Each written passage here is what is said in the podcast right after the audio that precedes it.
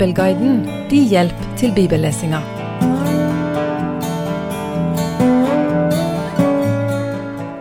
Saul fikk i oppdrag av Gud å være Guds bøddel.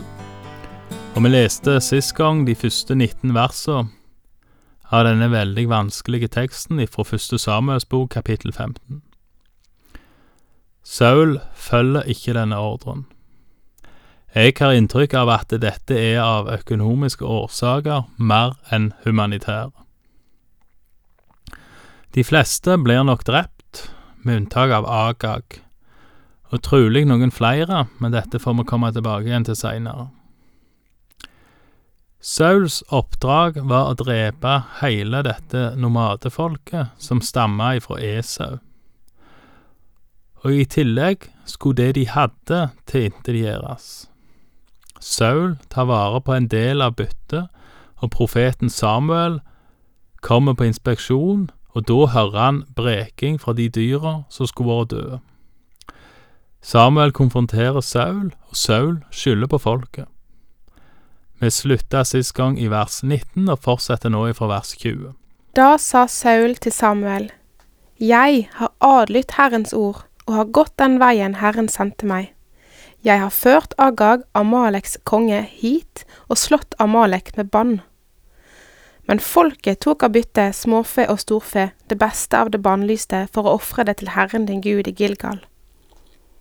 Da sa Samuel, har vel Herren like meget behag i brennoffer og slakteoffer som i lydighet mot Herrens ord? Nei, lydighet er bedre enn offer, lydhørhet er bedre enn fettet av værer. For gjenstridighet er ikke bedre enn trolldomssynd, og tross er som avgudsdyrkelse. Fordi du har forkastet Herrens ord, har Han forkastet deg, så du ikke skal være konge. La oss legge merke til versene 22 og 23, kanskje særlig vers 22. Lydighet er bedre enn offer, og det å være lydhør til den som en skal være lydig overfor, er bedre enn fettet av ærer. Hva er det da Gud vil ha? Jo, han vil ha mennesker som hører Hans ord og gir etter det. Offeret kommer som bot når en feiler, men Guds ønske er hele tida å ha mennesker som følger Hans befaling. Det var det òg i Edens hage, og det gjelder ennå. Jesus sier sjøl til disiplene og til oss i Johannes 14, vers 15, Dersom dere elsker meg, da holder dere mine bud. Lydighet er et tegn på etterfølgelse. Og her må det komme en presisering. Det er lydighet til Gud som er et tegn på etterfølgelse, ikke lydighet til hva enn når mennesker skulle komme til å tro Gud mener, og der er det en veldig, veldig viktig forskjell. Det er kjempebra hvis en ønsker å være lydig mot Gud, men det er da òg veldig, veldig viktig at en har klart for seg hva Gud faktisk vil. Sånn at en ikke tror at en er lydig mot Gud, og så lager en en masse greier som ikke er etter Guds vilje. Derfor kan det av og til være lurt å høre litt ekstra etter før en går i gang.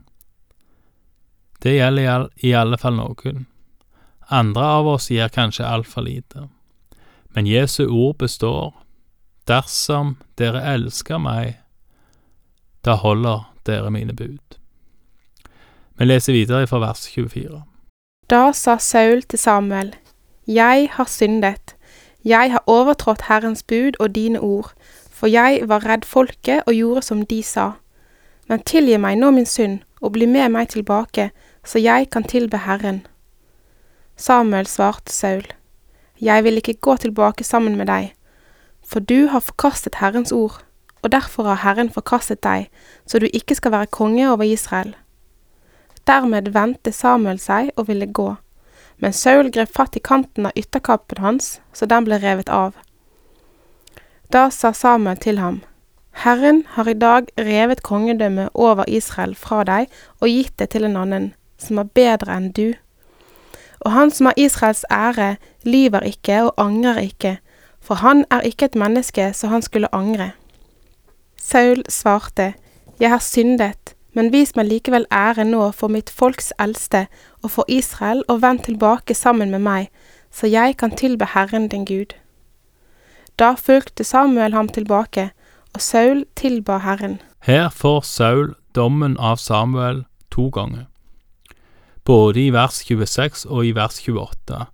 Fordi du, Saul, har forkasta Gud, så skal du ikke lenger være konge i Israel, og det skal tas ifra deg.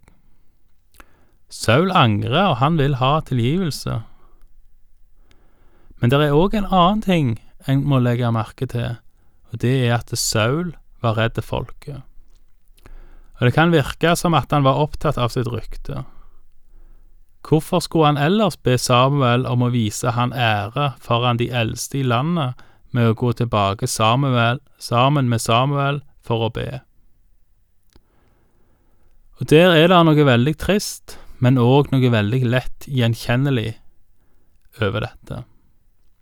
Saul burde egentlig gjort hva som helst for å få sin sak i orden med Gud, men han virker kanskje like opptatt av at han ikke skal tape for mye ansikt overfor folket. Lignende situasjoner kan vi komme opp i i dag òg. Redselen for å tape ansikt kan være like sterk, eller sterkere enn redselen for å møte en allmektig og hellig Gud. Men Guds dom skal fullbyrdes. Og som vi leser i det videre, så går profeten Samuel sjøl til verks, der Saul svikter. Hvis en leser vers 32 i ulike bibeloversettelser, så vil en se ulike vinklinger og ulike oversettelser av akkurat denne teksten. Vi leser uansett videre fra vers 32. Så sa Samuel, Før Agag, Amaleks konge, hit til meg. Glad til sinns gikk Agag bort til ham, og Agag sa, Sannelig, dødens bitterhet er veket bort. Men Samuel sa, Like som sverdet ditt har gjort kvinner barnløse, så skal nå din mor bli barnløs fremfor andre kvinner. Så hogg Samuel Agag ned for Herrens åsyn i Gilgal. Deretter dro Samuel til Rama. Men Saul dro opp til sitt hus i Sauls Gibea. Helt til sin dødsdag gikk ikke Samuel for å treffe Saul, for Samuel sørget over Saul. Men Herren angret at han hadde gjort Saul til konge over Israel. Kapittel 15 i første Samuels bok slutter med at Herren angrer på at han gjorde Saul til konge, og at Samuel sørger over Saul, men faktisk ikke går for å treffe Saul igjen. Samuel er Guds profet, og selv om han nok setter stor pris på Saul og likte han godt, så er Samuel lojal til Herren og følger han. Så når vi i neste kapittel skal høre om salvinga av kong David,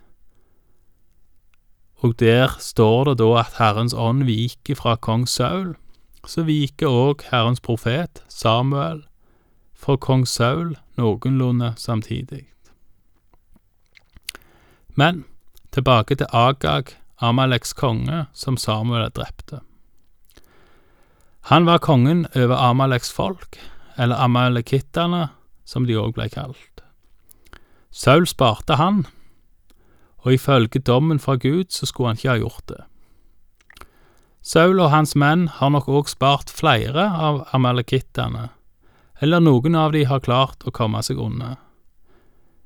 Uansett hva som har skjedd, den totale utryddelsen av folket etter Amalek, som Gud beordra, blei ikke gjennomført, og det kan en lese om i Esters bok. Historien i Esters bok ligner på en av historiene i Daniels bok, og handler om at en av kongens fremste menn forsøker å lage en lov for å rydde jødene av veien. I Esters bok beskrives Haman som så sint for at jøden Mordekai ikke bøyer ned for han. Haman ville derfor utrydde alle jøder fra det rike. Skal vi tro Bibelen, så hadde Haman fått dette til, hvis det ikke var for at Gud igjen frelste jødene, denne gangen gjennom Ester. I starten av Esters bok kapittel tre, der Haman nevnes for første gang, så står det at han er Agagitt, altså etterkonger av Agag, kongen som profeten Samuel drepte, der vi nettopp begynte å lese i dag. Slik jeg forstår det, hvis Guds dom i sin helhet hadde blitt fullbyrda av kong Saul og hans menn, så skulle ikke en etterkommer av Agag ha kunnet vært ved perserkongens slott på Esters tid. Det er ikke et forsøk på å rettferdiggjøre Guds dom over amalekittene, det er heldigvis ikke mitt bord. Leser en jobbsbok, så vil en langt ut i den se at jobb for Herren i tale, og at Herren irettesetter jobb for å blande seg inn i forhold jobb ikke har oversikt over. I Jobb kapittel 38 utover svarer Gud jobb, og jeg vil lese noen få vers derfra, verser 31 til 33. Kan du knytte sjustjernens bånd, eller kan du løse Orions lenker? Kan du føre dyrekretsens stjernebilder frem i rett tid, og bjørnen med dens unger, kan du styre deres gang? Kjenner du himlenes lover, fastsetter du dens herredømme over jorden. Her spør Gud Jobb retorisk om Jobb har makt til å knytte sjustjernens bånd eller løsne Orions lenker, osv. Med andre ord, Gud kommer med et klart eksempel på at Jobbs kunnskap og makt ikke kan sammenlignes med Gud. Og som jeg innleda med sist gang, så vil jeg òg avslutte i dag med samme logikk samme hvor feig den måtte oppfattes. Dommen tilhører Gud, og dommen over amalekittene. En trenger ikke like han, og en kan selvfølgelig spørre Gud om det var nødvendig. En kan bli sint, en kan bli sur på Gud. Men setter en seg til dommer over Gud, så vil kanskje Gud svare deg sånn som han svarte Jobb. Takk for i dag, og Herren med deg.